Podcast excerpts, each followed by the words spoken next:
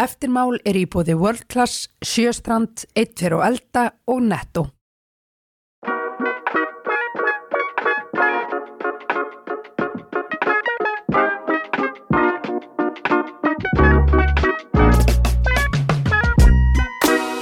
Já, góðan daginn, kæru hlustendur. Þórhildur Þorkelsdóttir heiti ég. Og ég heiti Natin Guðrún Jaki og þið er að hlusta á Eftirmál. Þar sem við skoðum stór fréttamál í baksínisspeglinum. Já, eins og hlustendur þessara þátt að þekka nú orðið. Og í eftirmálum þá revið við upp fréttamál og, og reynum kannski að komast að einhverju nýju og svona kafa en svona í málinn. Mm -hmm. Og þetta er náttúrulega alls konar mál sem okkur finnst eftirminnileg og bara skemmtileg og áhugaverð en í dag er komið að fjórða þætti í þessari sextátta serju af eftirmálum.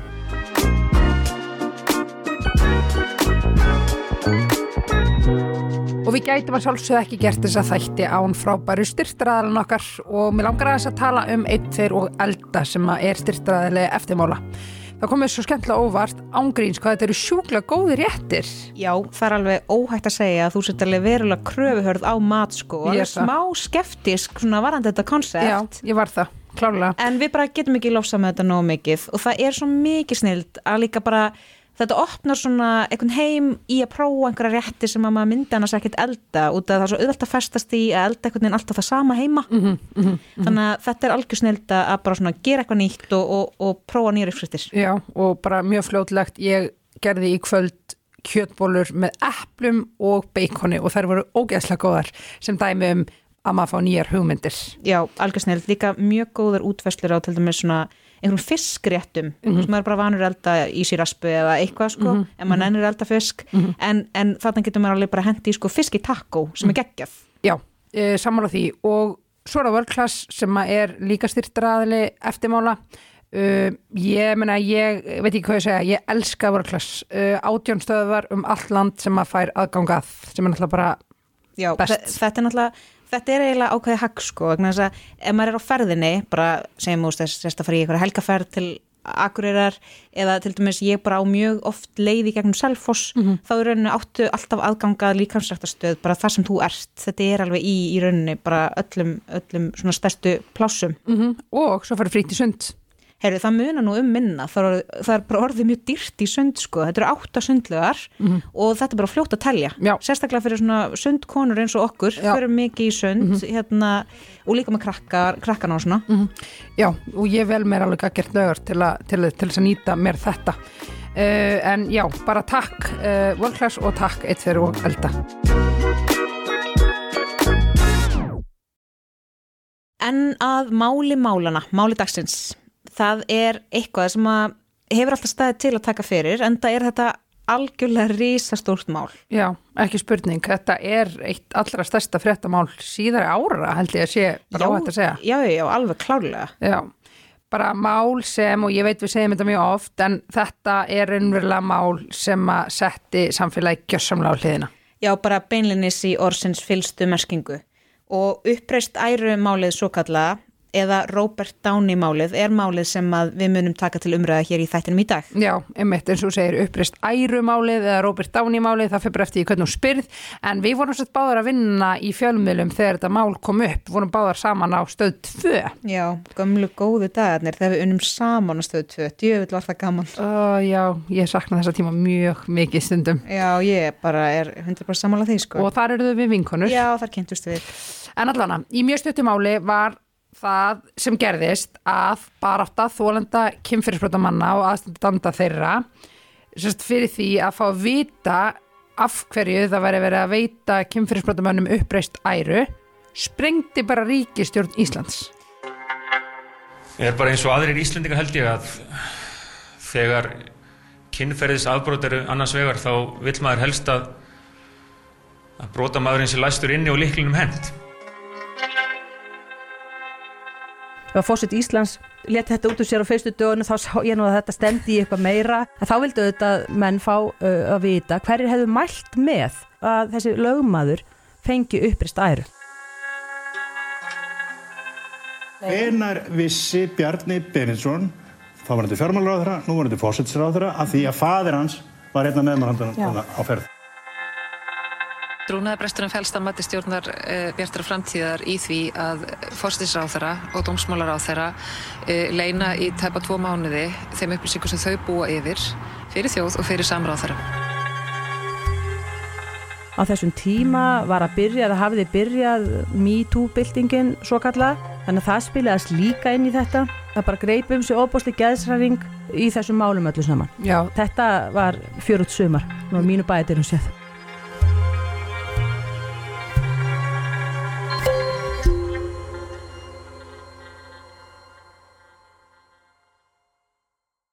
Já, þetta máli er bara daldið mikið styrlað og þetta er atbyrðar á sem í upphafi myndi engan óra fyrir að kæmi til með að enda eins og það gerði. einmitt. Við ætlum að fara ítarlega yfir söguna í þættinum. En sko, eins og ég sagði, þá hefur alveg staði lengi til að, að taka þetta mál fyrir. En það er svona lág kannski beint við núna þar sem að það eru bara nokkrir mánuðir síðan Bjarni Benediktsson eh, sagði afsessum fjármál á efnarsráðra. Einmitt. Ástæðan varðaði kaupföður hans og hluti Íslandsbanka eins og eh, fræktur orðið og hann hann skipti um, um ráðhrastól. Já, og það er ekki í fyrsta skipti sem fadir Bjarna, Benedikt Sveinsson, hefur áhrif á pólitískun feril sonarins. Árið 2017 var ríkistjórnarsamstarfinu slitið eftir að í ljós kom að fadir Bjarnar Benediktssonar hefði skrifandi meðmæli með umsókn dæmds barnanýjings um uppreist æru. Já, þetta hljómar allt svona frekar styrlað en þetta var staðan. Þetta mál er mjög svona, ég held að sé allt til að segja umdelt og fólk hefur tekið svona alls konar afstöðu í þessu og þetta er svona smá rugglingslegt allt saman en við ætlum að fara yfir þetta á mannamáli. Já, ég myndi alveg segja að þetta væri eiginlega mjög rugglingslegt, bara þetta orð uppreist æra og allt, allt saman, þetta er mjög rugglingslegt. Já. En já, við ætlum að fara yfir þetta mannamáli. Kæri hlustundur, uppreist æru málið, gjöruð svo vel.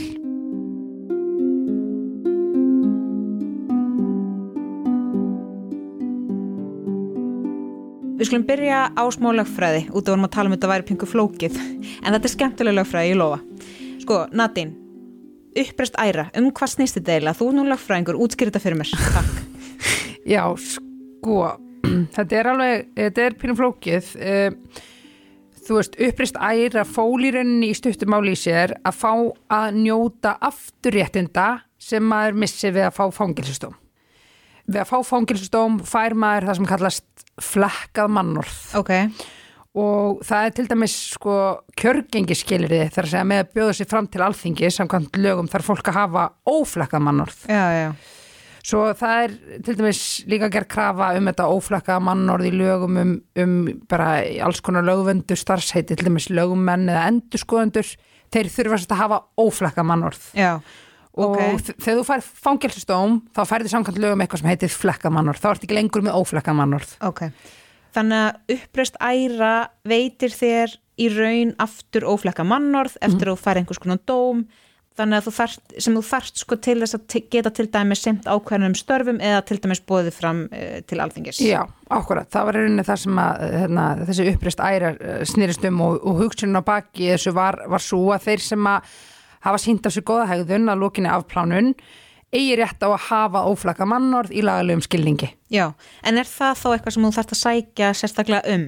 Eða Eh, þurftir að sækja sérstaklega um? Já, þú þurftir að sækja sérstaklega um það og það voru skilirði og reglur sem þurfti að uppfylla, ég kann, ég kann það ekki, ná, kann ekki nákvæmlega segja frá því en við minnum komast að því svona uh, sem líður á þáttinn en það þurfti til dæmis að sína fram á að hegðun hefði verið góð og þá að farið fram á meðmálabref þar sem fólk sem þekkti til brotamann sem skrifaði bref fyrir viðkomandi um að hans hegðun hefði verið tipp-topp og bara góð Já. og þá var í rauninni sérst, verið að mæla með því að sá hann sami fengi uppreista æru. Já, minnst þetta allt hljóma svona frekar gamaldags. Já, þetta, já, ég er sammála, ég er sammála því, sko, þetta, þetta er, þetta meikar ekki alveg sens. Já, en ok, ég, ég hérna, áttum mig betur á, á þessu núna sko, en það er eitt í þessu, Mhm. það segir sér að í rauninni í lögunum að fórseti Íslands sé sá sem veitir uh, dæmdum brotamönnum uppresta æru, en er það þannig? Sko, akkurat, þetta var það sem að var rosa mikið fjallað um á þessum tíma í þessu máli, það var alltaf verið að ve- velta þessu upp, en sem sagt,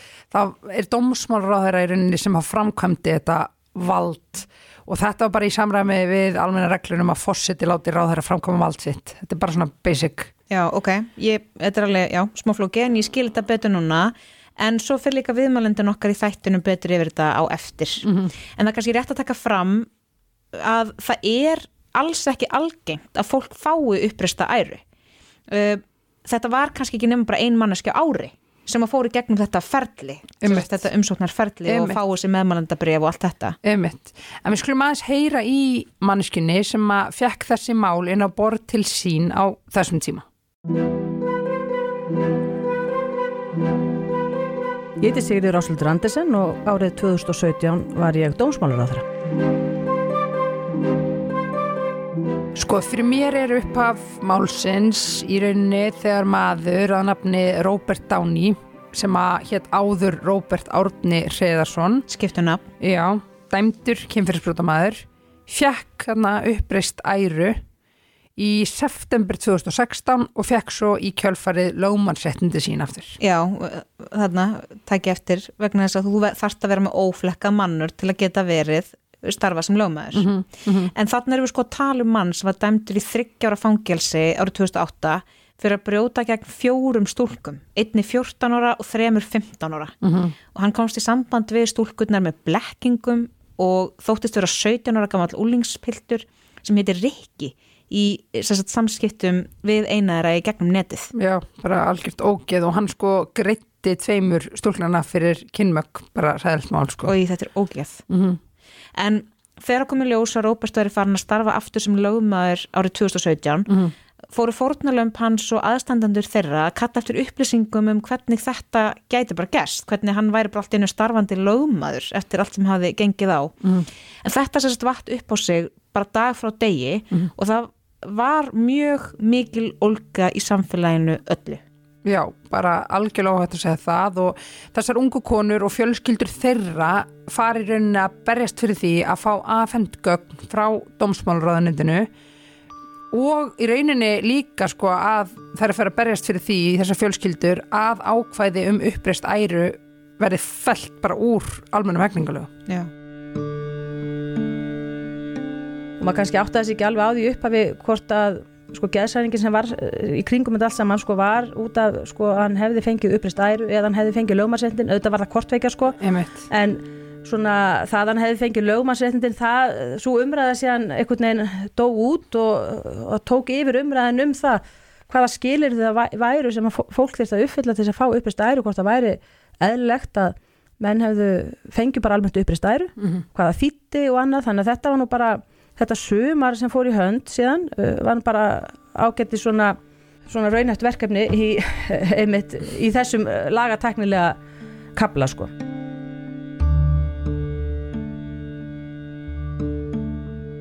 Já, eins og Sigurður segir, snýrist þetta fyrst og fremst um lögmannsréttindin sem Róbert var komin með á ný, Mm en fór svo að snúast um uppreist æru og skilirðin fyrir því að hljóta hana. Já, bara konseptið uppreist æru. Já, En sem sagt, krafan hjá fórnulömpum Robert Downey og þessar hersingar sem að bara hafði orðið til út frá málinu var að fólk vildi vita bara hvernig þetta ferli væri og það er að segja sko hverjir það líka eru sem að skrifa þá upp á meðmæli fyrir dæmda menn, dæmda kynferðisbrota menn í, og mann í þessu hérna, tilviki til að fá óflekka mannorð. já, og þetta fóru þetta fljótlega að snúast um hverjir þessir meðmælendur væru. Já, og sko fremstur í flokki í þessari baráttu fyrir svörum fór þekktur leikari og leikstjóri Bergur Þór Ingólfsson og fjölskylda hans en dóttir hans var eitt fórnalamba Robert Stáni. Já,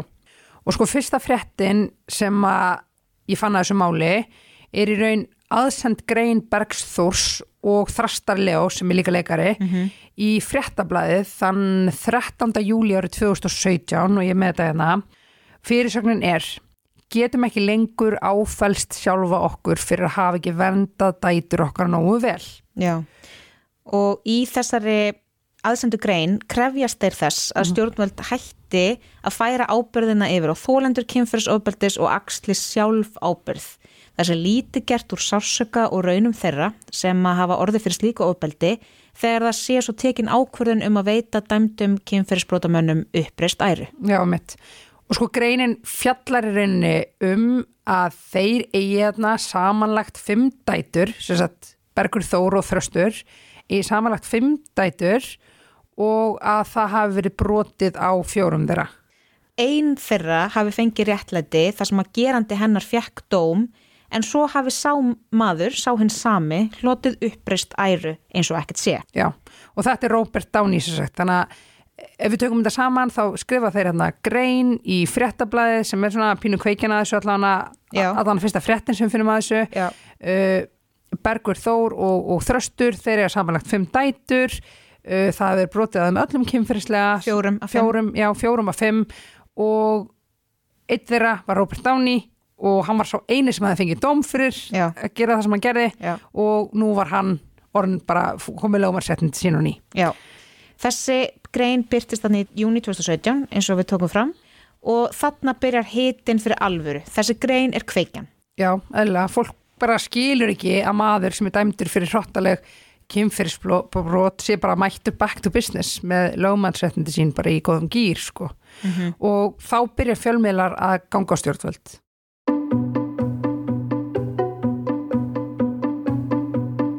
þegar að ég fekk símhringu 16. júni frá Ríkisútarspinu þar sem að ég var spurð álits af því hvort að mér þætti eðlilegt að þessi tiltekni lögum að fengi aftur réttindin ég er náttúrulega að koma á fjöllum og hérna og fekk þá í framhaldin spurningu um uppreist æru og allt svo þá nefndi ég það að eh, ég væri hefði alveg verið að skoða þessar reglur um uppreist æru vegna þess að um vorið þarna hafði mér emitt borist eh, minnisblað frá embættismenn ráðnettisins og það sem fyrir mig var lagt að rita undir sem ráðherra um, undir tillúti fórseta Íslands um uppreist æru til handa einstaklingi sem að hafiði uh, afplána sinn dóm vegna kynferðisbrots.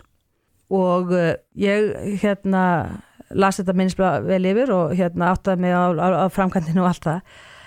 En uh, vildi ekki skrifa undir, undir það og það lág hjá mér þessi beðinni og það var ítrekað komið embætismenn ítrekað allir að koma og sækja sækja þetta bref til mín og koma þessu áfram og mér var bent á það að þetta væri alltaf gert og ég get ekki komið undan því og þar frændu göttunum en ég vildi nú aðeins skoða þetta. Þannig að þú er smá rebel þarna? Já, ég var, var aðeins byrja þarna sko, að, að skoða þetta því að ég þekkti það bara vel eins og ég nefndi við ykkur áður að, að þetta var að mínum mati heimildar ákvæði og það, mér ákvæði sjálft var skýrlega þannig að var heimild að veita uppristæru Já, en, en sko, fram að þessu hafði þetta samt svolítið verið bara einhver færibandavinna. ekkert svolítið, bara algjörlega Ok, þannig að Sigriður hafði þarna um vorið áður en þetta mál með Robert Downey kemst í hámæli neitað að skrifa undir fyrir dæmdan kynfyrsbrotamann.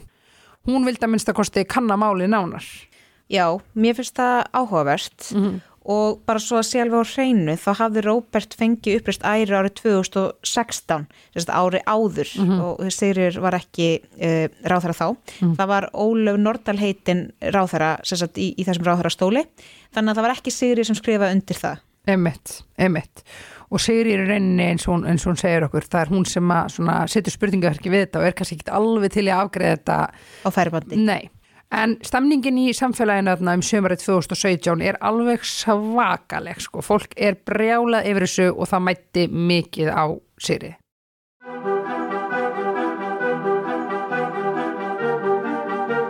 á þessum tíma var að byrja, það hafiði byrjað MeToo-byltingin svo kalla þannig að það spilaðist líka inn í þetta það bara greip um sig óbúsli geðsræring um, um, í þessum málum öllu saman Já, svona næstu að- vikunnar. já, ég, me- ég man til dæmis að fósitt Íslands bara strax þennan 16. júni sko, tveimur dögum eftir að þessi hæstaradómur fellur, þá lætur hann hafa eftir sér að hann segir sko að hérna því að hann hafði þetta skrifað undir uppreist æru en eins og menn vita eða eiga vita þá er fósiti Íslands alltaf ábyrða laus af öllum stjórnaratöflum það er alltaf, hann gerir það alltaf með ráþeira og umbúður ráþeira, allar, allt sem hann, allar ákvæð sem hann tekur en einhverju hluta vegna leið fósiti Íslands þannig með það að hann fann sig knúin til þess að segja það að uh, hann væri auðvitað ekkert að styðja svona menn með svona undirritun með eins og einhverjum hefði dottið það í hug einhver tíma sko. Heldur væri, væri hann þeirra skoðunar að þessir menn væri auðvitað bara best uh, geimtir í fangelsi og það þurfti bara setja það og, og, og læsa klefanum og henda liklunum og uh, mér sárnaði mjög að heyra þetta. Mér náttúrulega fyrst bara á sko en, en uh, svo sá ég að þetta náttúrulega stemdi í ef að fósitt Íslands leti þetta út úr sér á fyrstu dögunu þá sá ég nú að þetta stemdi í eitthvað meira hérna og yrði hérna væri svolítið kannski erfitt að toppa þetta. En það tókst þó að gera það þannig að þetta var fjörut sumar. Og mínu bæðir um séð Já, þetta eru auðvitað aldrei svakalega ummæli frá fórseta landsins.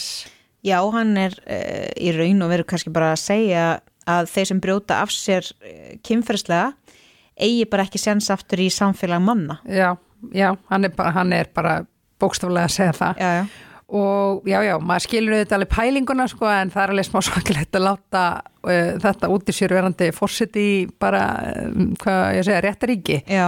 En þetta er samt bara svona til marksum hvað hann var bara stressaði fyrstu dagan í embætti sko. Já. Ég man mjög vel eftir þessu öllu, þá var auðvitað allt vitlaust og mikil reyði í samfélaginu og ég var á vaktinni þennan dag sem að, hérna, sem að það sem Guðnýrinni tjáði sumilla í fyrsta sinn og, hérna, og var send að, að taka viðtalu Guðna. Þar sem hann er mitt let þessi hérna, ummæli sem að Sýriði talar um, Já. um að það ætti hérna, bara að henda, kasta leiklinum sko Já, já, falla. Og ein- eins og, hérna, eins og framöfu komið þá er hann svona tiltölulega nýtekinn við sem fórseti og þetta var ekkert eðlilega óþægilegt mál fyrir hann ég man, það var bara þú veist, ve veist ekki þegar það bara var sennilega óþægilegt stundum að taka viðtælu fólk að því fólki var stressað að leið illa Já. þú veist, honum leið augljóslega bara illa og ég, ég bara man ótrúlega skýrt eftir þessu ég fór að tóka þetta viðtal við hann á sólega göttunni Já, annars skrifstu fórseta, fórseta hann í miðbænum. Ég, ég man eftir þessu viðtali. Já, akkurat og ég man bara, já, hvað hann þótti þetta erfitt og óþægilegt og hann var aðalega alltaf að reyna að tunglast á þessu að það væri ekki hann sem tækis ákvörðun, heldur ráðanitið hann skrifaði bara undir æ, spilum bara smá brott Samúð mín er auðvitað öll hjá þeim sem þessi brotamaður braut á að þurfa að þóla þessa uppbrífjun núna. Ég hérna er bara eins og aðrir Íslendingar held ég að þegar kynferðis afbrót eru annars vegar þá vill maður helst að að brotamaðurinn sé læstur inni og liklinum hend. En við búum líka í rétta ríki og leiðum mér að ítreka þetta að ákvörðunin er ekki tekin hérna. Ok, æ, Gregi Kallinn, hann var svona, maður heyri það alveg, hann er alveg raunverulega miður sín. og hann er strax alveg ljóst að þessi lög er eitthvað skrítin og alveg úrelt sko. Já, ráðuneyti auðvitað afgreiti þessi mál bara með bara velrænum hætti og þau voru ekkert skoðuð neitt frekar.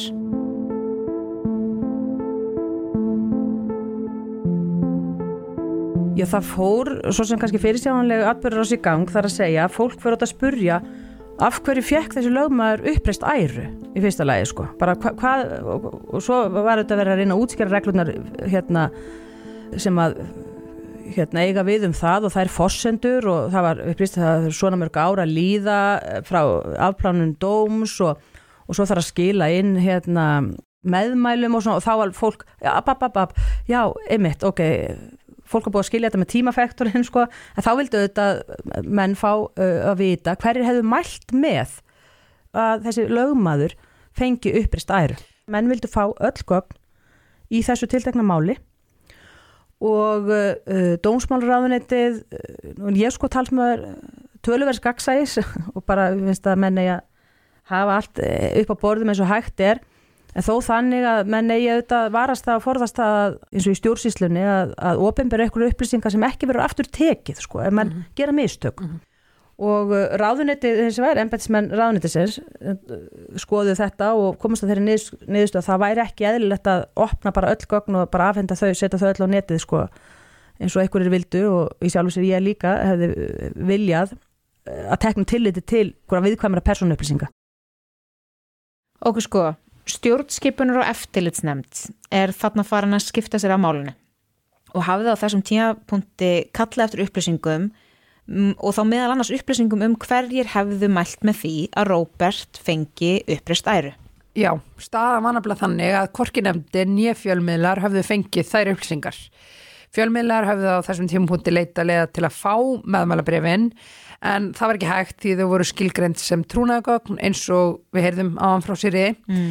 en það var sérst ein leið í þessu sem var farin og það var að kæra máli til úrskurunemdar um upplýsingamál og fá þannig aðgang að skjölum í krafti í rauninni upplýsingalaga. Já.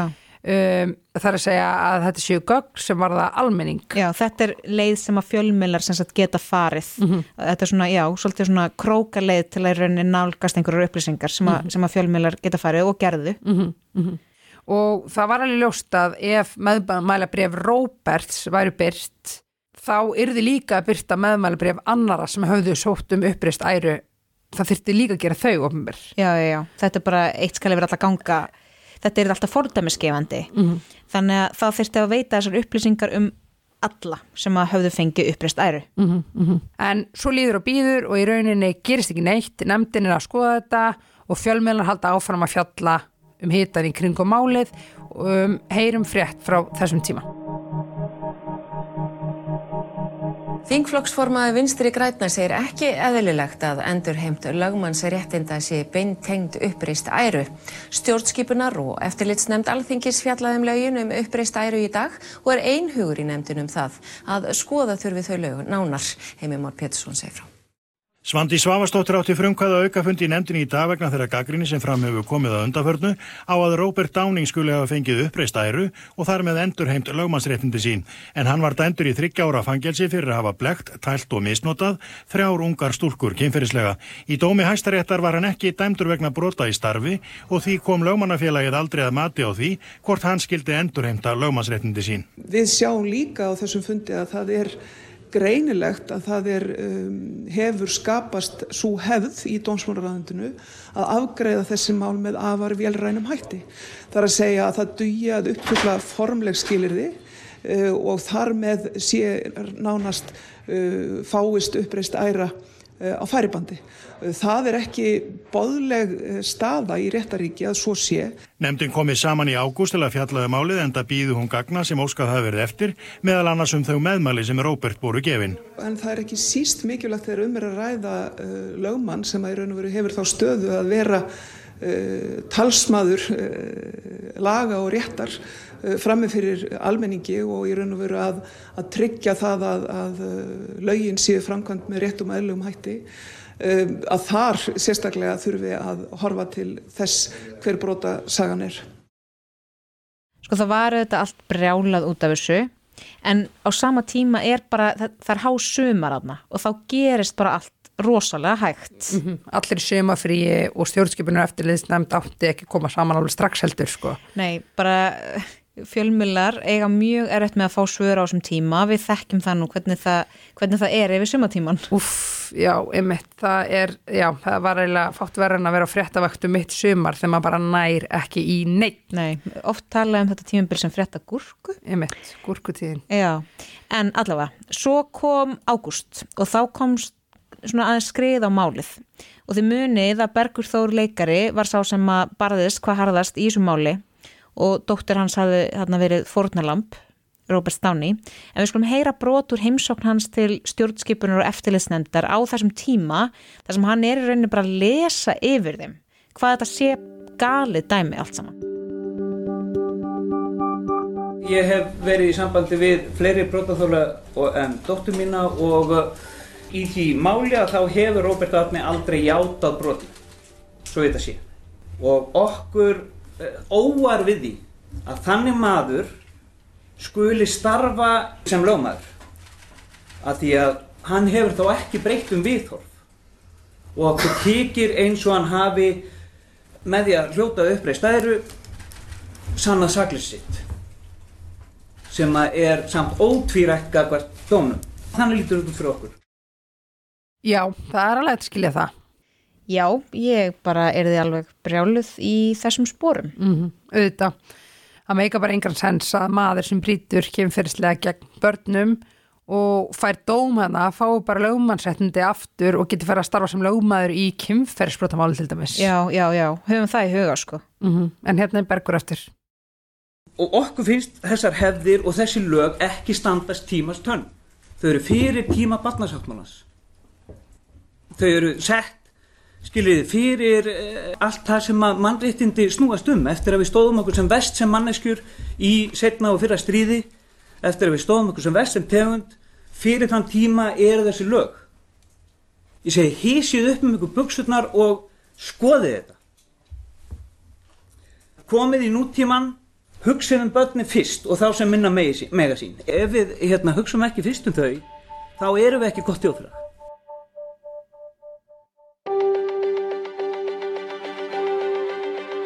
Já, fjölskyldur fórnalamba Róberts börðust og börðust. Þau bara vildi þessar reglur burt, það er bara svo einfalt. mm skiljanlega. Og vildu þetta líka þessar upplýsingar hverjir væru meðmælendurnir.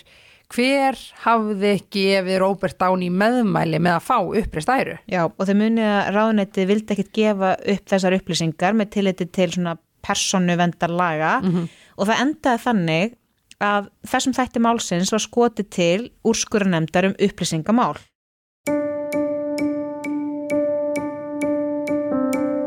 En síðan tekur hún sér bara sinn tíma þessi nefnd að, að afgreða það og það verður ekki finnir setnum sumarið sko, sem að hún skilar af sér. en í middeltíðin ert þú þráspurðið það ekki að, jú, fjölmiðlum um- alls konar Um alls konar þetta og ég, ég lísti því yfir eftir náttúrulega mikla skoðun þá 14. júli að eh, eftir að hafa skoðað þetta ítalega þá ætla ég að leggja til við alþingi að eh, fella niður lagaheimil til veitingu uppristar æru. En í öllu falli að þá kynnti það sérstaklega ofbelega að, að ég ætla að setja þessa vinnu í gang að taka skarið þessu því ég er búin að skoða þessa mm, sko laga umgjörnum þetta og hún var, hún var ofbáslega umfangsmikil, það er í svo mörgum lagabálkum eða var í svo mörgum lagabálkum þar sem hveðið var á um uh, veiting, að starfsréttindi væri bundin við mjög uppreist æru sko.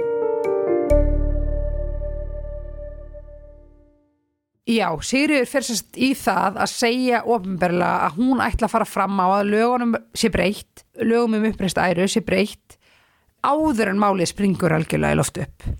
Já, og umræðan í samfélaginu er bara svakaleg og það má alveg klálega segja að það hafi verið bara mjög mikil skjálti.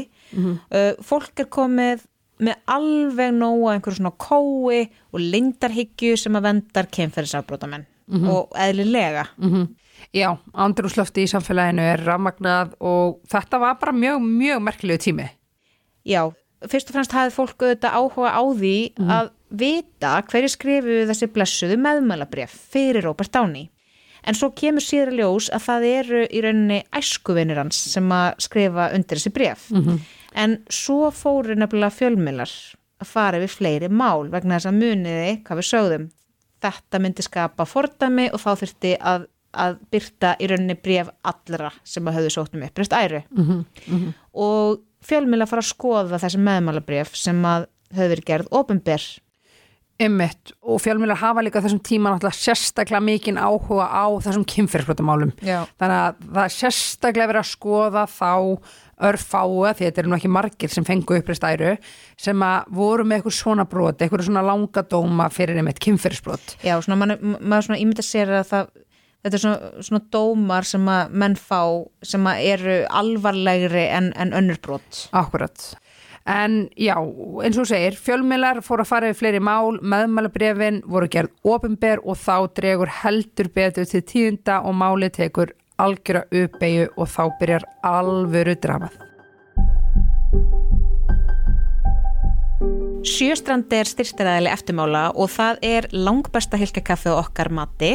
Það er líka lífrænt, sem sagt engin eituröfni sem eru notuð við rektun bönana, þannig að þetta er algjört gæða kaffi og bara besta gæða kaffi sem er hægt að fá í hilkjum að okkar mati. Já, dyrkita. Uh, ég er bæði að vinna með espresso og lungo, bestu botlunir og já, passa, þessi hilki passa líka í Nespresso vilar. Já, það er alveg verðt að minnast á það. Það er náttúrulega bara ekkert betra en góður kaffibótli. Það sem það gerir mikið fyrir mann. Einmitt, en talandi um lífrænt ég dyrka anglemark vörurnar hjá Netto ég er, ég er í alvegni bara, ég kaupi rosa mikið anglemark Já, þessar vörur eru algjör lauma og það eru líka á mjög góðu verði. Það eru svansvottar, Já, ég treysti þessum vörum ekkert neginn og bara kaupi, kaupi mikið fyrir mása minn lilla áttamána uh, frá Anglemark en svo verði nú líka að minnast á þetta snildar netto-app Já, þú var 2% endugreislu í formi innegnar í appinu ef þú skannar QR-kóðan þegar þú verslar og það gildir hvort sem er á netinu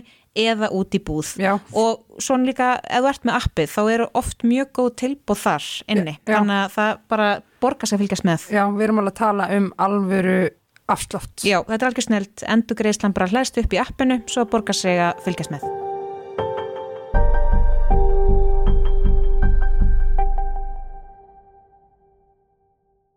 Ok, en áfram gakk. Nú við komin á þann stað að í ráðuneytinu hafði farið á stað vinna við að skoða öll þessi mál þar sem það þótti alveg eins líklegt að nefndin myndi úrskurða að það erði að byrta koknin og þá vildi ráðuneytið vera klárt. Hér er Sigurður aftur. Og svo gerist það setna í júli, nundi lok júli, að uh, við þessa skoðun sem að hafi verið að farið fram í ráðunitinu á öllu málum aftur í tíman, að þá hafði eitt starfsmæður rekið augun í það að, að í einu svona uh, máli, um maður að segja, svæsnu máli, að því menn kannski höfðu nú mestan áhuga að skoða þau, það er þessi kynferðisbrot. Og uh, var farið yfir allar umsagnirnar og svona því það var verið að byggja um umsagnir í máli lögmannsins hins vegar bara að þá töldu menn rétt að undirbúa hitt líka að, að lista það saman sko. Hverjir hefðu verið að veita uh, umsagnir í öðrum málum. Meðmælendunir. já meðmælendurnir mættir að kalla já umsagnir aðilar mann ekki hvernig, hvo- hvort þetta var nú kallað í, í lögunum en eh, já í reglunum en uh, þá hafði eh, eitt starfsmöður árvökull reikið augun í það að fadir fórsættisráþara þáverandi hann hefði veitt eina umsögn í einu slíku máli og taldi rétt að vekja aðtekli mína á því Mannstöfstu þeim fundi? já já, eftir því samtali þegar var bara hringt í mig og ég láti hann vita því og uh, Hvernig, hvernig var þið við? Hvernig svona... já það var ekki þægilegt Þarna áttar Sigurður sér vantarlega á að það muni allt gjörsanlega fara á hliðina þegar og ef þetta fréttist E- og vantarlega þegar. Já, fadir fórsetisráð þeirra er þarna umsagnar aðili fyrir dæmdan barnanýðing. Þetta er svakalegt. Og þessi maður, uh, dæmdi barnanýjingurinn, heitir Hjalti Sigurjón Haugsson og hann er bara dæmdu fyrir hróttaleg brot, bara viðbjósleg. Já, ok, sko, nú erum við á þeim staði tímalínunni að Sigurður Andersen, þá þeirra, fær símtal frá starfsmanni ráðuneytisins þegar allt er á sögupunkti og bara allt er brjálað út af Robert Downey og hans upprest æru. Þá fær hún símtal um að fadir Bjarnar Benediktssonar sem þá var fórsetisræðara, hann hefði veitt öðru manni, Hjalta Sigurjóni Haugsinni, meðmæli vegna umsóknar hans um uppreist æru. Já, þessi maður hafði fengið upprist æru á sama tíma og Robert Downey og hann var dæmdur fyrir að hafa broti gegn stjúpdóttur sinni e, næri daglega í 12 ár. Já, ég næ ekki utan með þetta, þetta er svo ógslegt sko. Þetta, þetta er bara, já. Frá því þess að hún var 5 ára til 18 ára aldurs og ég ætla hans að lesa upp úr frétt stundarinnar um málið þar sem er fjallað um brothjálta. Maðurinn var dæmdur í 5 og hálsárs fangelsi fyrir brotin árið 2004 og gert að greiða stúlkunni 1,5 miljón króna í miskabætur. Bæði að ég aldrei eftir að blítið og þessa bætur góður, sko. fyrir þessi brot en allana 1,5 miljón. Um er að ræða þingsta dóm sem fallið hafiði vegna kynfyrirsbrota gegn batni á þessum tíma. Þetta er náttúrulega rosalegt. Já, þetta er þingsti dómur sem að, já, hafi fallið gegn kynfyrirsbroti gegn batni á þessum tíma. Úff. En hæstiréttur taldi einsýnt að maðurinn hefði gerst segur um grófa kynfyrslega misnótkun gagvart kæranda sem stóð yfir í langan tíma eða um 12 ár allt frá unga aldreinar. Ó, þetta, Þetta er hræðilegt, sko. hræðilegt og mann skortir auðvitað orð þegar maður les svona hluti en það versta í þessu er að hann síndi enga eftirsjá í þessu máli og sagði hann, hann að hann hefði verið dæmdur án sannana en það er algjörlega rétt að taka fram að bæði hérastómur Reykjavíkur og hæstiréttur Íslands töldu full sannað að þessi maður hefði brotið gróflega og ítrekkað gegn þessari stjúpdóttur sinni. Og það er það, það, það er erfitt að fá dóm fyrir svona brot Já, sko, já, að já, það bara, ég, þú veist, einmitt, þegar sko hérastómur hæstiréttu telja full sannað að hann hafi brotið gróflega og ítrekað gegn stjúpnstu sinni, Já, já. þú veist, Þá er það full sannað, nei, þá er það full sannað, en, en hérna, hann, hann einmitt segir í sér í stundinni þá náður eitthvað smá tali af honum hjálta sér sett og þar er hann að tala um að hann hafi sannlega verið dæmdur án sannana og, og, og allt þetta, en það er náttúrulega bara al- algjörlega út í hött að halda því fram. já, bara give me a break sko. En munum á þessum tímapunkti veit almenningur ennþá ekki neitt. Það veit engin neitt. Nei. Eh, bara örfáin starfsmenn ráðunetisins og dómsmálraðara Sigriður Andersen. Meðmælendur í þessu, þessu málum sko þeir hafa ekki gert neitt af sér sko.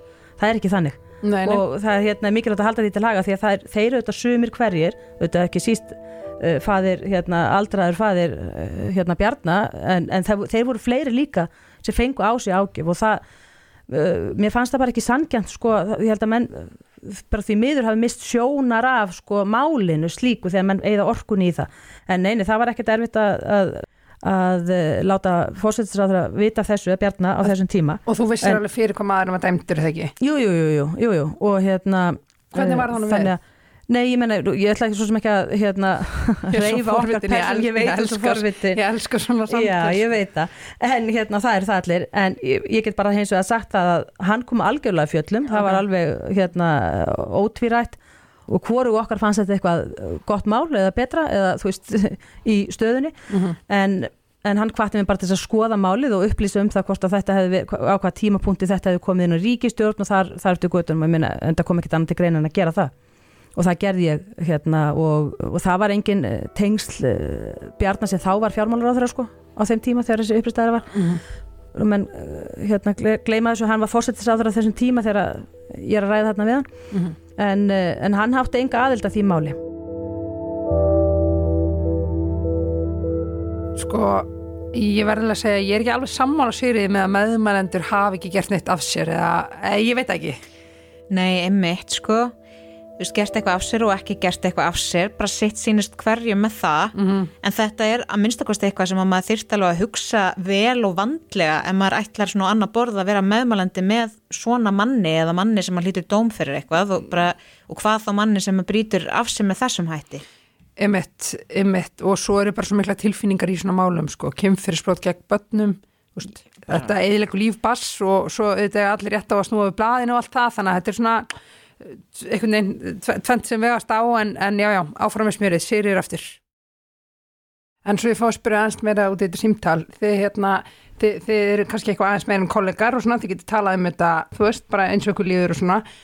Byrjaði eitthvað tímann að ræða sko bara, æ- ætti ég segja frá þessu ofinbeglega sjálfur þú veist, ætti ég að, þetta, þetta mun hvað sem er byrtast rættuði svona mál. Já, að sjálfsögðu, en það kom bara ekki til greina að, að hvorki ég eða Bjarni færum að opinbera eitt eða neitt í þessum efnum okay. ekki frekar en í öðrum málum vegna þess að þetta varðaði þriði aðeila, það er að segja föður hans. En það auðvitað kannski hefði hann átt að gera hérna, fæðir hans að, að opinbera þetta. Það er, er það ekki, myndi, ekki, myndi maður ekki Jú. eftir á allan að, hann hefði jú, að segja frá þessu? Jú, jú, en hann, ég menna menn bara horfða á þetta, þú veist hvernig reglurnar voru á sínum tíma, hvernig menn túlkuð þar á sínum tíma. Og uh, ég menna þú veist, það var bara hans ákvörðun þú veist, gamla mannsins, að, hérna, að gera það ekki en hann gerði það á endanum, gaf út yfirlýsingu bað Og Bjarnan um að segja, veistu það?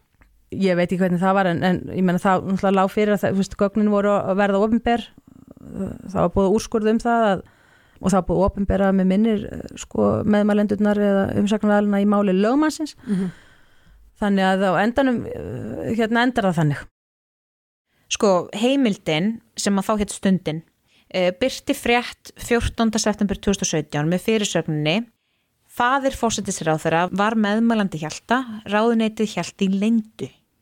Og það var fyrst eftir að svo frétt byrtist sem að Benedikt fadir Bjarnar sendi frá sér yfirlýsingu. Einmitt, það var ekki, fyrir en það var hreinlega komið í loftið Já. Vá hvað ég hefði sagt pappa mínum að gefa strax frá sér yfirlýsingu ef ég hef verið Bjarni, held ég Mm. og Bjarni hefur nú vantla liðið vel með þetta á, á sínum tíma sko, þú veist, þetta er alveg mánuðir sem hann veit þetta Já, þetta er alveg ágætst tími sko.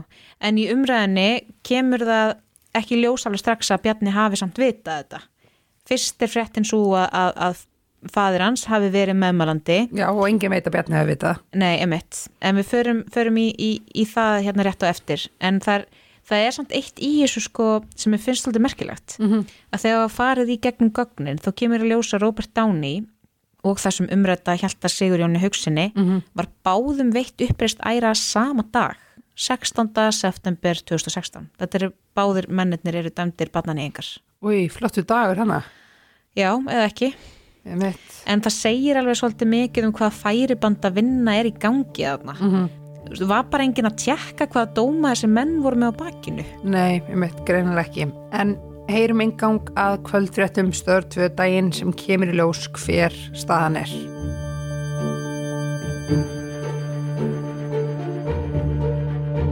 Fadir Bjarnar Benediktssonar fórsættisáþera skrifaði undir umsókn Hjalta Sigurjóns Haugssonar dæmds barnanýðings um uppreist æru.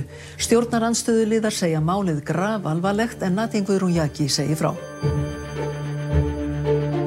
Já, já, gamla var á vaktinni og þú varst líka á vaktinni, þú varst vaktstjóri, var það ekki? Jú, mikið rétt en þetta var algjörlega rugglaði dagur á fréttastofunni sem ég gleymi seint Eh, ég var vaktstjóranan dag eins og segir og þessi staða kemur í ljós bara mjög seint um daginn, ég held bara um fimmleitið. Shit. og fréttir á stöð 2 fara þetta í lofti klukkan hálf sjö. Þannig að þarna er maður í, í stöðu þar sem að það þarf að hugsa mjög, mjög, mjög hratt. Og þetta var svona hálfgert mayday. Og það er bara farið í að ringja og ringja til að reyna fá viðbröð frá ríkistjórninni fyrir fréttir. Og það liggur auðvitað beinast við að tala við Bjarnar sjálfan sem eru auðvitað fórsetisráþara þarna sko. Eða þó dómsmálaráþara og Sigurður Andersen svarar og kemur beint í stúdíóið Já, hún er, hún er bara mjög duglega að taka síman og, og, og taka umræðana já, sko. maður mann alveg eftir því, hún mætir bara þegar, þegar hún er beðin um það. algjörlega En það eru auðvitað allir að velta í fyrir sér þarna hvenar það er sem sérst vitneskja innan ríkistjórnarinnar er um þetta. Sérst hvort að Bjarni hafi sjálfur vita þetta í ykkur tíma en þarna veit það enginn. Nei, akkurat. En ríkistjórnin á þessum tíma eru sem sagt sjálfstæðisflokkur, viðreist og björt framtíð. Emitt. En og eins og segir þá uh, sérst kemur Sigurður í beina útsendingu í stúdióið til okkar hana upp, á, upp á stöð 2 til Heimis Más. Já, frettamanns og, og, og vinnur okkar. Heimis Más Péturssonar sem Já. er nú bara þekktur fyrir að taka geggju viðtöl Algjörlega. og, hérna, og hann er alveg með þetta og hann lætur fólk ekki sleppa nei. sko, fólk Hann- það bara að hann- svara því sem það að svara Hann kallar ekki allt ömmu sínan heimir. Nei, og þetta er svo epíst viðtal sko heimir, svo mikið með þetta. En svo komum mann sem er dæmdur í þingstu refsingu fyrir svífurlegt barnanið á, á, á stjúpdóttu sinni frá 5 ára aldri til 17 ára aldurs fekk þingstadóm sem hvernig hefur upp í slíku máli? 5,5 ár og það eiginlega fer bara hraðleiði gegnum ráðunni og menn voru eitthvað að efast og áttu í vandræði með Robert Downey Já, máli var það hins var að með, máli Róbert Stáni var það marg skoðað og lögð fyrir ráðherra bæði forvera minn og þann ráðherra sem var á undan. Minnisblöð sérstaklega um þetta. Já, já. ég, við verðum að já, þetta minnisblöð um það sérstaklega það sem komist var ítrekað að þeirri niðurstöðu Mm. sem að ráðherrarnir auðvitað uh, hérna, fannst mér þungbært Já. að það yrði að verða við Veistu að þessari Ólöf ósk fannst þetta þungbært mál? Já, ég veit það, ég veit það og ég veit að Ólef uh, fannst mjög mikilvægt að, að, að, þessi framkvæmd öll er endur skoð. Já. Þegar komið var þessum tímapunkti Já. í september að það þyrfti að veita Róbert Já. það voru engin efni til annars en að afgreða aðrar umsóknir sem lág á borði ráþur á þeim tíma. Hvenar vissi Bjarni Benediktsson, þá var þetta fjármálaráðra, nú var þetta fósetsráðra, að því að fadir hans var hérna með maður á ferð. Ég- vissi hann það? Já, ég, uh, ég hef ekki sko, skoðað ekki í sumar uh, neinn gögn í neinu af þessum málum sem að varða uh, aðra ráþeira. Uh, það var hins vegar í jú, lok júli sem að ég, mér var tjáð í óspurðum fréttum af embættismönnum að fadir fórsættisráðra væri þarna meðal umsækjanda. Ö- ö- ekki, umsagnar aðila, vildi ég sagt hafa uh, í lok júli. Já. Ég taldi rétt og let fórsættisráðra vita af því uh, á þeim tíma í lok júli. Já. Og hvernig brást hann við því þegar þú segir hún? Hann Kom hann að fjöllum eða hann fjöllum. vita þessu? Nei, hann kom algjörlega fjöllum. Já, hvernig, hvernig brást hann við? Fannst hann þetta leitt? Uh, hann kom algjörlega fjöllum, já, og auðvitað finnst okkur þetta uh, þungbært í ljósi auðvitað umræðunar og, og, og, hérna, og eðli málsörgla en ég ætla ekki að tjá mig fyrir hönd fórsættur á þeirra.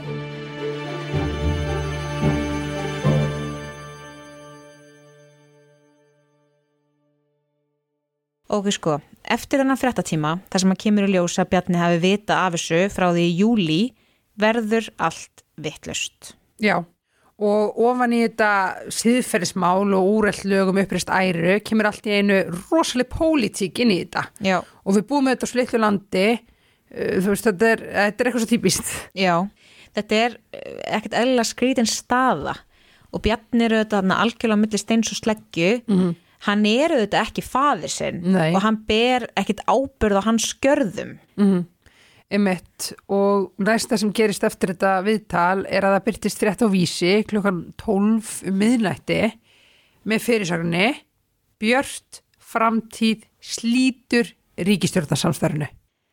Korki meira en að minna og upphaf fréttarinnar hljóða svona. Stjórn Bjartrar framtíðar samþykti á fundi sínum í kvöld að slíta ríkisstjórnarsamstarinu við sjálfstæðisflokkin og viðrist. Kostning fór fram rafrænt og lauk á 12. tímanum í kvöld. Í tilkynningu frá Bjartri framtíð segir að ástæðan sé alvarlegur trúnaðarbrestur innan ríkistjórnarinnar. Við skulum heyra hátegisfrétt frá, frá deginum eftir.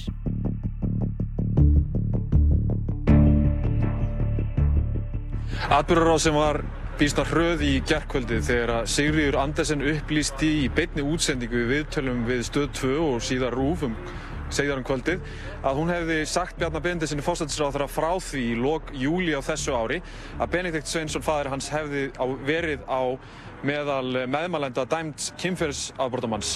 Það er þetta sem virðist hafa virkjað þennan trúnaðabrest sem kom upp í ríkistjórnarsamstarfinu og í kjálfarið ákvað stjórn Bjartrar framtíðar að búa til atkvæðargreðslu rafrænt í gerkvöldi um hvort slíta bæri stjórnarsamstarfinu. Við skulum sjá atbyrðarás gerkvöldsins. Bóða var til stjórnarfundar hjá Bjartri framtíð í gærkvöldi vegna upplýsingar sem komu fram í gærum að Sigríður Andersen dómsmálaráþara hefði upplýst Bjarnar Benediktsson fósættisráþara í lok júli að fadir hans hefði verið á meðal umsagnar aðela fyrir Hjalta Sigurjón Haugsson, dæmdan kynferðisbrotamann, þegar Hjalti sóttu um uppreist æru á síðasta ári. Sigríður Andersen upplýsti í viðtali hér á stöðu 2 í gærkvöldi að hún hefði sagt fósættisráþara frá þessu í lok júli. Ég taldi rétt og let fórsættisráður að vita af því uh, á þeim tíma í lókjúli. Hjá Bjartri framtíðar litið svo á að það hafi verið trúnarbrestur hjá fósættisráþara að greina ekki ríkistjórninni frá þessum upplýsingum í ljósi þess hversu fyrirferða mikið málið var í sumar. Trúnaðabresturinn fælst að mati stjórnar uh, Bjartara framtíðar í því að fórsættisráþara og dómsmálaráþara uh, leina í tæpa tvo mánuði þeim upplýsingum sem þau búa yfir fyrir þjóð og fyrir samráþara. Þannig að þessi staða væri ekki komin upp ef að fósættisráðara hefði bara látið samstagsfólk sitt í ríkistjórn vita af málunu strax. Staðan væri vissulega önnur og þá væri við að bregðast við allt annari stöðu en það að ábyrðar aðili, sem sagt, yfirmaður dómsmála í landinu uh, og fósættisráðara fari svona með, með þessar upplýsingar og á grunni fjölskyldutengsla, það er eitthvað sem við getum ekki stutt. Trúnaðabresturinn, hann fólst í auðvitað leindarhyggjunni yfir þessu öllu saman. Hann fælst í því að uh, okkur er ekki treyst og þá er auðvitað ekki treyst, treyst á móti. Hann fælst í vondum ferlum og vondum vinnubröðum. Hann fælst í því að prinsip eru sett fram sem eru svo brotinn uh, þegar það hendar uh, ákveðnum, ákveðnum einstaklingum eða fórsættisráðara. Ef að fósættisráðara hefði sagt ykkur strax frá þessu þannig í júli, væri þá allt önnum mynd sem myndi blasa við? Já, ég hefði þetta bara helst vilja að fórsættisráðara hefði sagt þetta út af við, alveg, ekki bara við okkur. Í kjölfarið var bóðað til rafrætnar atkvæðagreislu í gerkvöldi meðal stjórnarmanna Bjartrar framtíðar. Alls tóku 70% stjórnarmanna þátt í kostningunni og kusu 87% þeirra með því að slíta ríkistjórnarsamstarfinu. Hefði Bjarni átt að fá tækifæri til þess að útskýra málsitt áður en þið takið þessu ákvörðum? Máli lág alveg skýrt fyrir. Þetta eru upplýsingar sem þau höfðu í lóki júli og við fáum þeir í gær og það þarf ekkert að útskýra það neitt frekar. Mér hefur fundist, og segi það, mér hefur fundist gott að vinna undir fórustu fórsættisráð þeirra. Hann hefur verið ágættis leiðtogi en uh, þetta eru vinnubröð og aðferðir sem við getum ekki sætt okkur við. Út frá því við erum að ræða um þetta í tengslum við mjög alvarlega glæpi uh, og við getum ekki tekið þessu léttvægt og mér finnst mjög alvarlegt ef að stór flokkur eins og sjálfstæðsflokkurinn ætlar að gera það.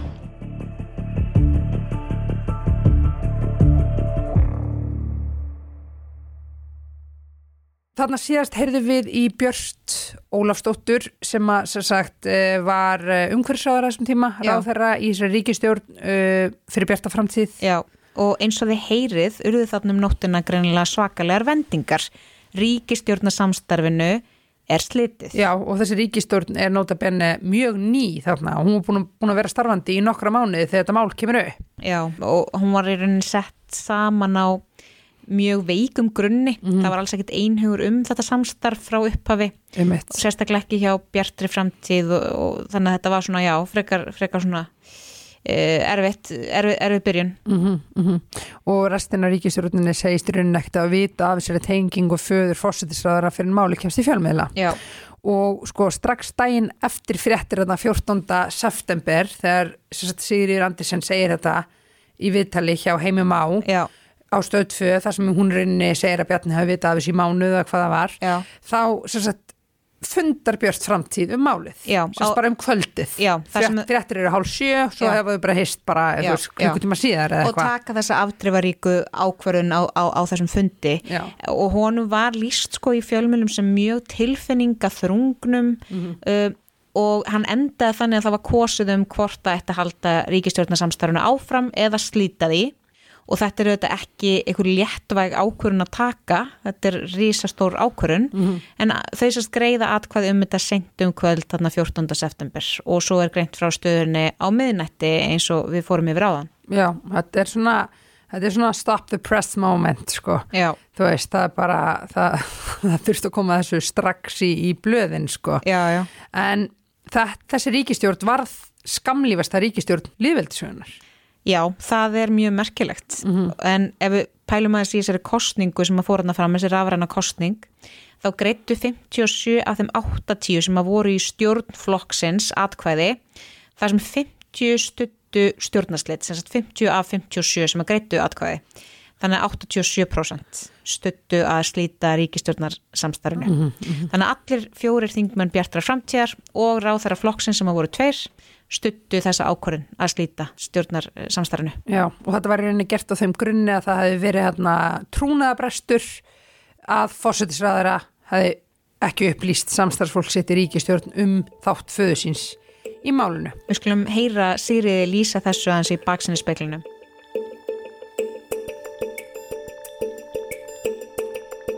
Já, eftir ég fór í uh, sjónasvitali og heimum á Pétursinni á, á stöð 2 uh, og upplýsti um eðlilega, upplýsti um fund okkar, eða ekki fund eða samtal okkar bjarna um, um uh, meðmælabrið föður hans. Þá fer ég nú bara heim og hérna er að lesa í róliheitum og ekki fylgjast með nefnum fréttum en þá fæ ég símtali um, upp úr miðnætti held ég, eða eftir miðnætti. Það sem ég var bent á frétt um uh, það að, að Björn Framtíð uh, væri bara búin að slíta ríkistjórninni og það hafði ekki verið haft samband við mig og ég held bara eh, enga aðra eh, af því tilöfni en ég er með svolítið las um þetta eða heyrði af þessu símtali sem ég fekk uh, og, og hérna eða skeiti og uh, las síðan um þetta bara á miðlunum. Og fyrstu viðbröð? Uh, furða. Bara fullkomin bara ég var gjörsamlega bara hissa sko, já.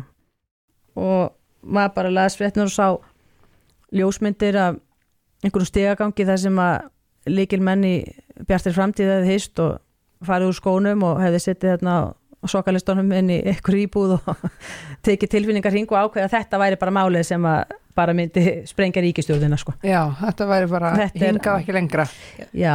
Já, þannig að sko þetta er ekki tilkynnt eitthvað með formlegum hætti innan ríkistjórnarinnar. Nei, og uh, ekkert okkar heldur í, í, af ráþuranum og svo sannlega ekki ég var látin vita eða, hafði, eða fekk, var veitt tækifæri til þess að ræða við þessar samstarfsfélaga sko um málið og, og hérna, ég man ekki hvort það var bara aðstofmað minn sem var svona árvökul og að lesa fréttirnar á miðnætti eða eitthvað alveg og þannig að Og þetta var gerist, úti. hvað gerist þarna þegar að, þú kíkir náttúrulega á fréttina og sér þetta, hvað, manstu hvað, hvað þú ringdir í eða hvað þú gerðir?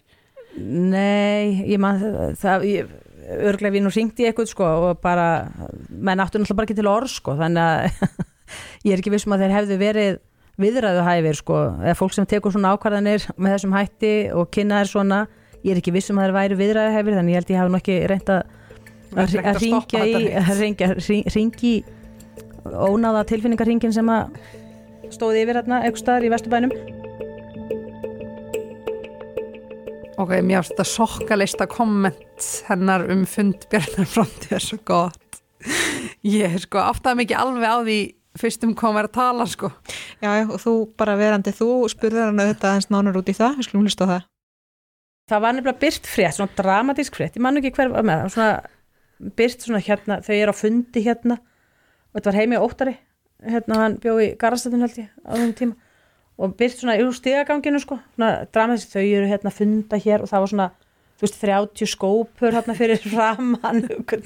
ok, það var ekkert gert úr þessu í, í fjölmjölunum, þú ert bara, Nei, nei, ég, fyndið. bara, ég benti á einhvern tímann, þú veist, ég meina þau voru grein líka svona allir á tá, sokk, mér finnst þetta svo ólekkert að fara úr skónum heim í öðru fólki, ég bara, þú veist, missi viti, en hérna, þannig að þú veist, þau þetta. þarna, öll bara á tásunum, þarna, sokkalistunum, hérna, að taka þessa ákvörðun, já, við skulum, já, við skulum bara slíta ríkstjóðinu.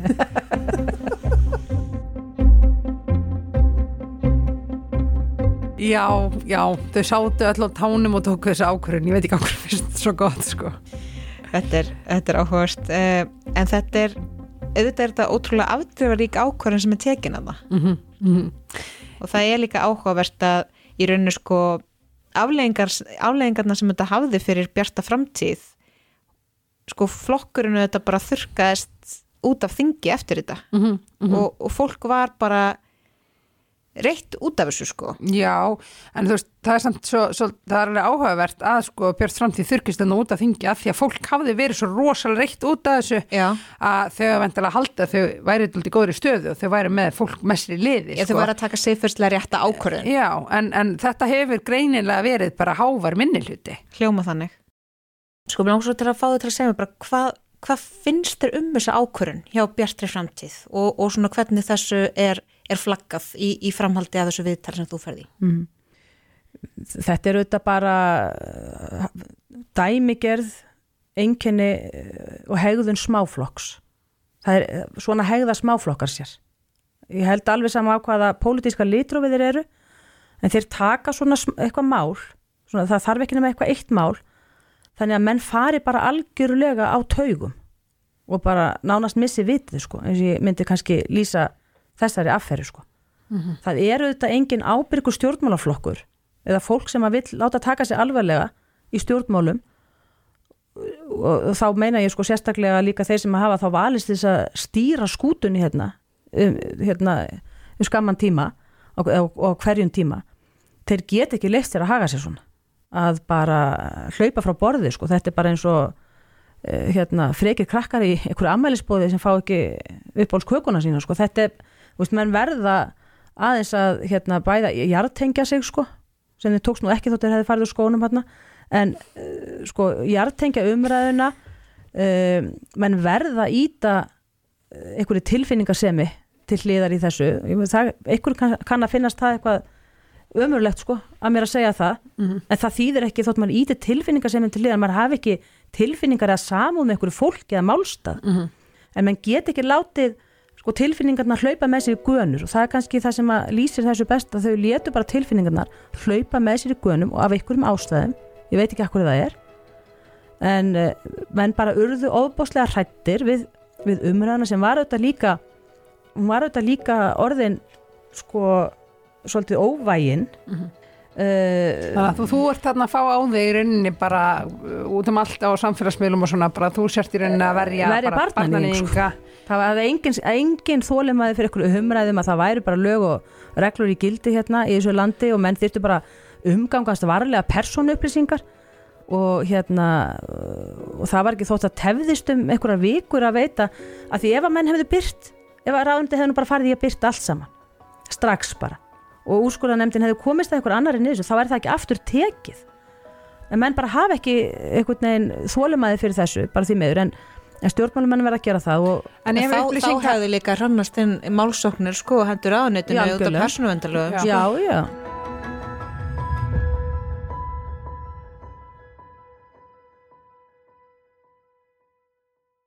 Dæin eftir að Björt framtíð ákvað að slíta ríkistjórnasamstarfinu hjælt Bjarni Benediktsson blagamannafund.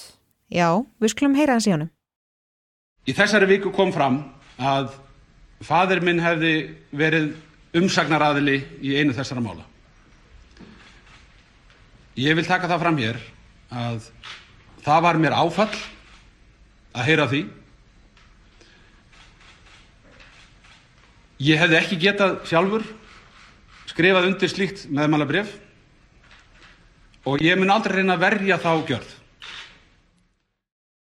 Já, svo segir Bjarni semst á fundinum að hann hefði tekið ákvörðun um að þetta mál eh, væri trúnaðamál vegna þess að það var í rauninni það sem að dómsmálaráðanetið hafði metið að væri rétt að gera. Mhm, mhm, já, og að sambarlegt mál með mál Robert Downey væri þegar komið til úrskurðarnefndar um upplýsingamál sem myndi úrskurðum hvort það ætti að veita svona upplýsingar eða ekki. Já, akkurat.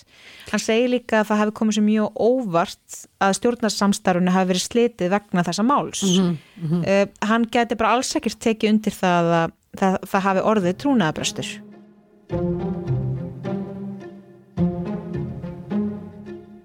Þau rauk finnst mér ekki standast neina skoðun. Í fyrsta lagi bendi ég á að mér var að lögum óheimilt að deila upplýsingum um þetta mál. Í öðru lagi greip ég fyrsta tækifæri sem ég hafði til þess að deila með samstarfsmennum mínum upplýsingunum sem að þóttu jú þetta viðkvamar. Og í þriðja lagi þá finnst mér að það hljóti að skipta sköpum þegar að uh, menn er að velta fyrir sér hvort að hér sé eitthvað óhreint mjöl í pókahorninu hvað varðar mína aðkoma að málinu eða stjórnsýslulega meðferð málsins að þá hljóta ráð og úrslitum hvort að málið hafi fengið sér meðferð eða hvort maður hafi með einhverjum hætti haft putta í málið. Það hefði ég haldið að væri kjarni máls. En ekkert á þessu áttu við.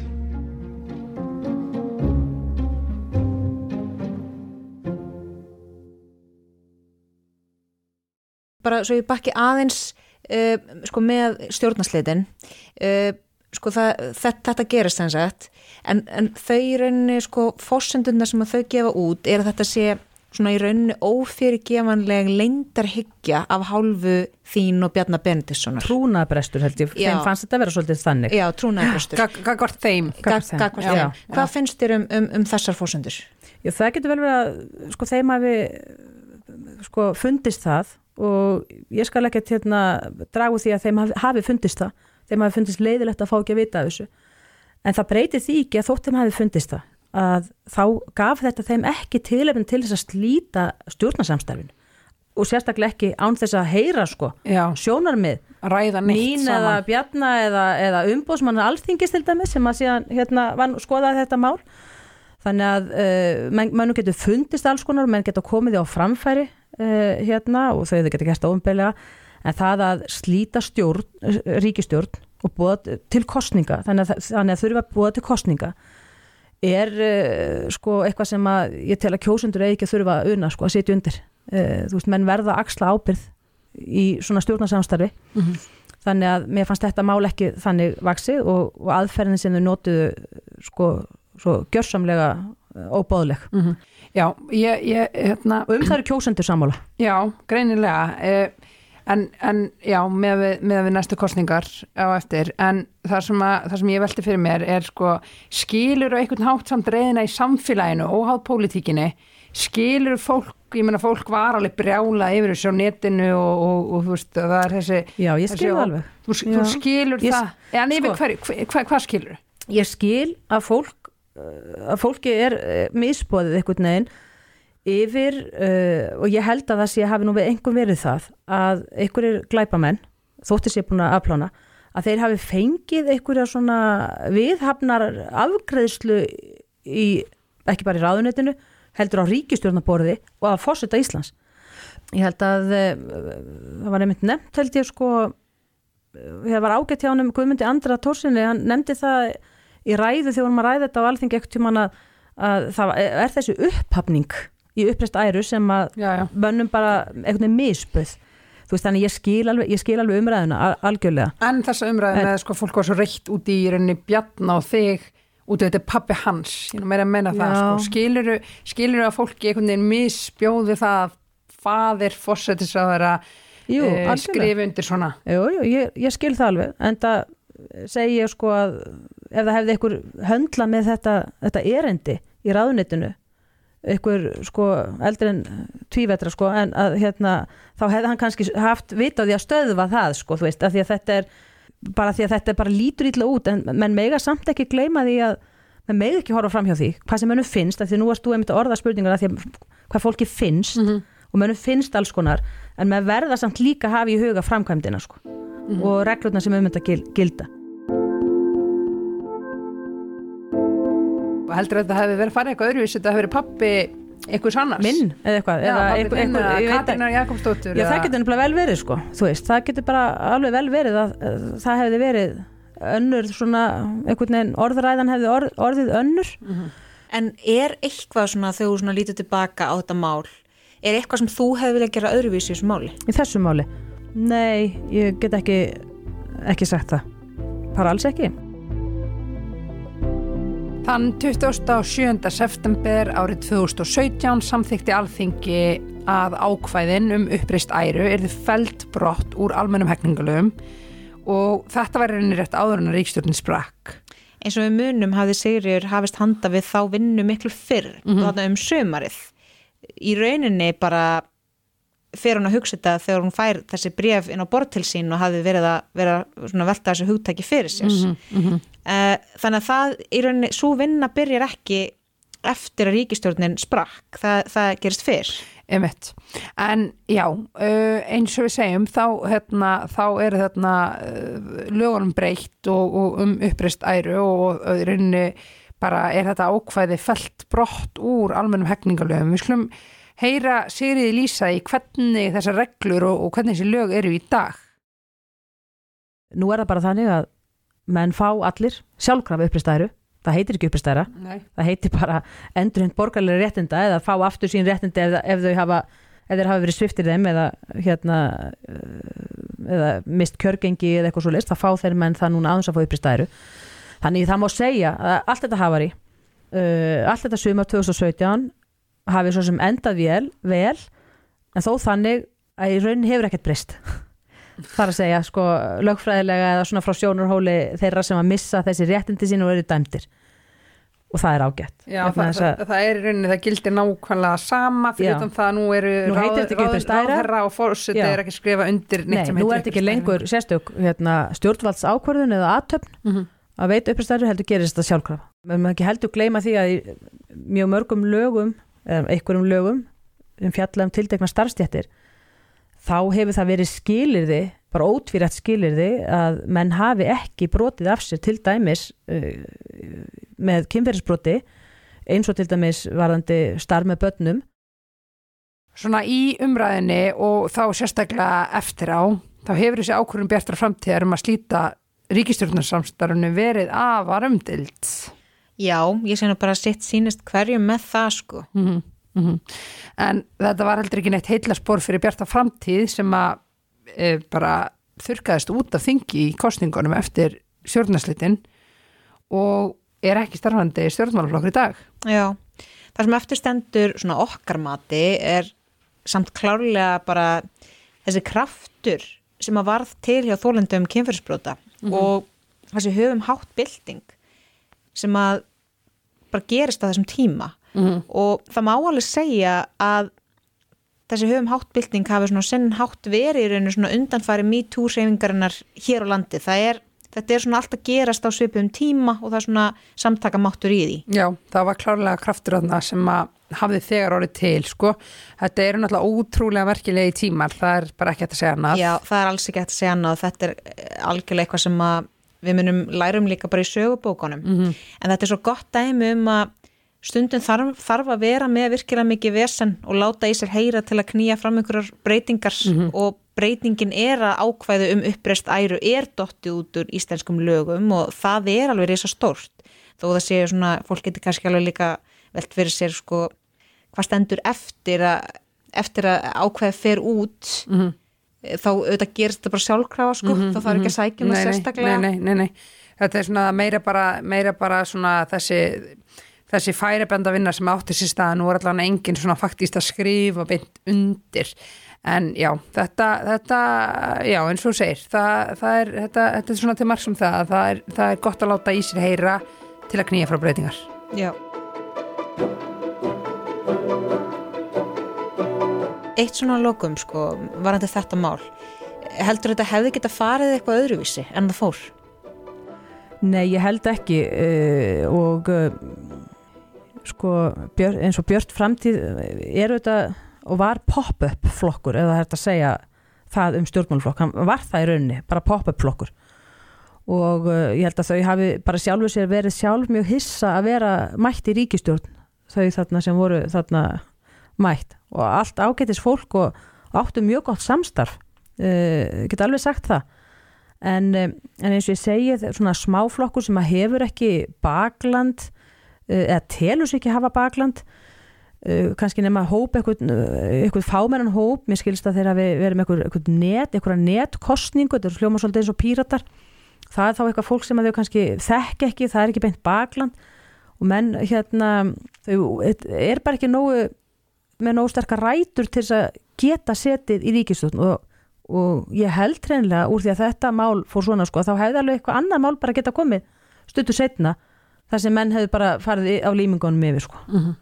þau verðu auðvitað að svara því sjálf sko, hvort þetta hefði þurft að vara svona sko, ég menna jáfnvel þótt að þau hefðu fengið upplýsingar um samtal okkar bjarna í lok júli uh, hvernig, hvað, hvað hefðu menn gert með það þú veist hefðu þau tekið ákvörnum að upplýsa um það omberlega og brjóta mögulega lög mm -hmm. gagvart dómsmálarandinu og, og gögnu sem að þar liggja ég get ekki séð það fyrir mér að þau hefðu gert eitthvað með það ég hefði sko haldið að þau eftir, hefðu ótt að vera þakklátt fyrir að hafa ekki verið upplýst um þetta fyrir þessum tímapunkti sko. mm -hmm. Hvað finnst þér um að maður, fadur fórsættisræðar í þessu tilfelli skrifi undir umsögn fyrir, fyrir til dæmis þennan, þennan heldas eftir glæpina sem hann gerir, hvernig, hvernig líðið með þetta?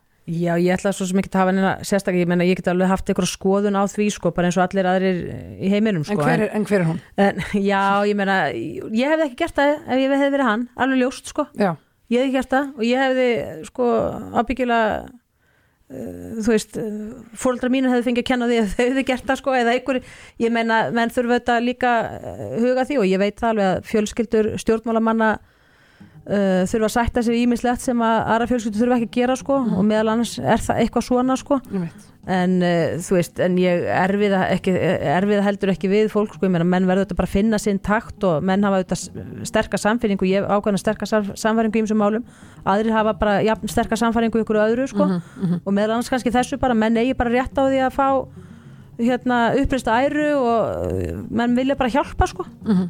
Myndi, ég myndi, ag, já, ég myndi misústi, ég ætla að segja þannig ég myndi agnóst út í ábyggla miljón aðra hluti ánið fyrir að agnóst út í það að einhver fullanum maður uh, vil leggja sér fram um að hjálpa einhverjum að komast á rétt, rétt braut í lífinu eftir afplánum dóms.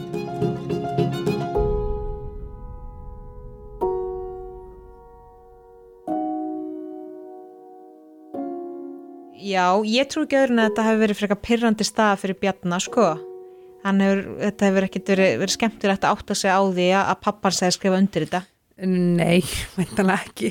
Þú ert þarna bara sonur þinn í þessari valda stöðu þá hlýtur maður að sleppa þessu bara. Já, eða ekki bara? Get, Ég held maður geti alveg ætlast til þess að fóldur sínum þegar maður er í svona valda stöðu Já, já. Maður myndi halda það Það er alltaf auðvöld fyrir okkur að segja Já, sko. já, en, já, en, en þetta er, er, er áhugavert. En það búið að vera ótrúlega áhugavert að fara yfir þetta mál. Þetta er Mhm. auðvitað rosalega svona stórt og flókimál margar siðferðslega spurningar sem vakna fólk með mjög mismunandi skoðanir á því líka sko. Já, og, ég, það var sérstaklega gamanlega fyrir okkur báður að fara yfir þetta þegar við vorum einmitt að vinna saman á fréttastofunni þegar þetta var í gangi. Þannig að hérna, við vorum einhvern veginn náðum að svona að, að, að rifi upp alls konar í kringum þetta hvað var að gerast hjá okkur á þessum tíma og svona þannig að það voru góðu tímar sko En það var líka ótrúlega áhugavert að ræða þetta við Sigri Andersen sem er alltaf mjög svona hrein og bein með, með sína skoðanir Mhm, mhm, og bara áhugavert að fá hennar sjóna með inn í þetta. Já, hún hefur auðvitað alveg tjáð sem þetta mál en svona kannski ekki í svona löngu máli og svona, þú veist, hérna,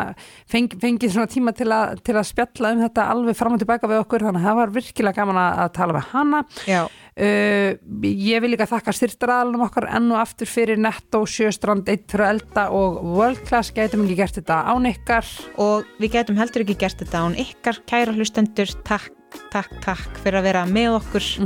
Og við ætlum að kveðja og heyrumst og sjáumst ef maður getur sagt það eh, næst eftir tvær vikur þegar næsti þáttur detturinn og allar hlaðarsveitur þanga til þá, verið sæl. Verið sæl Thank you.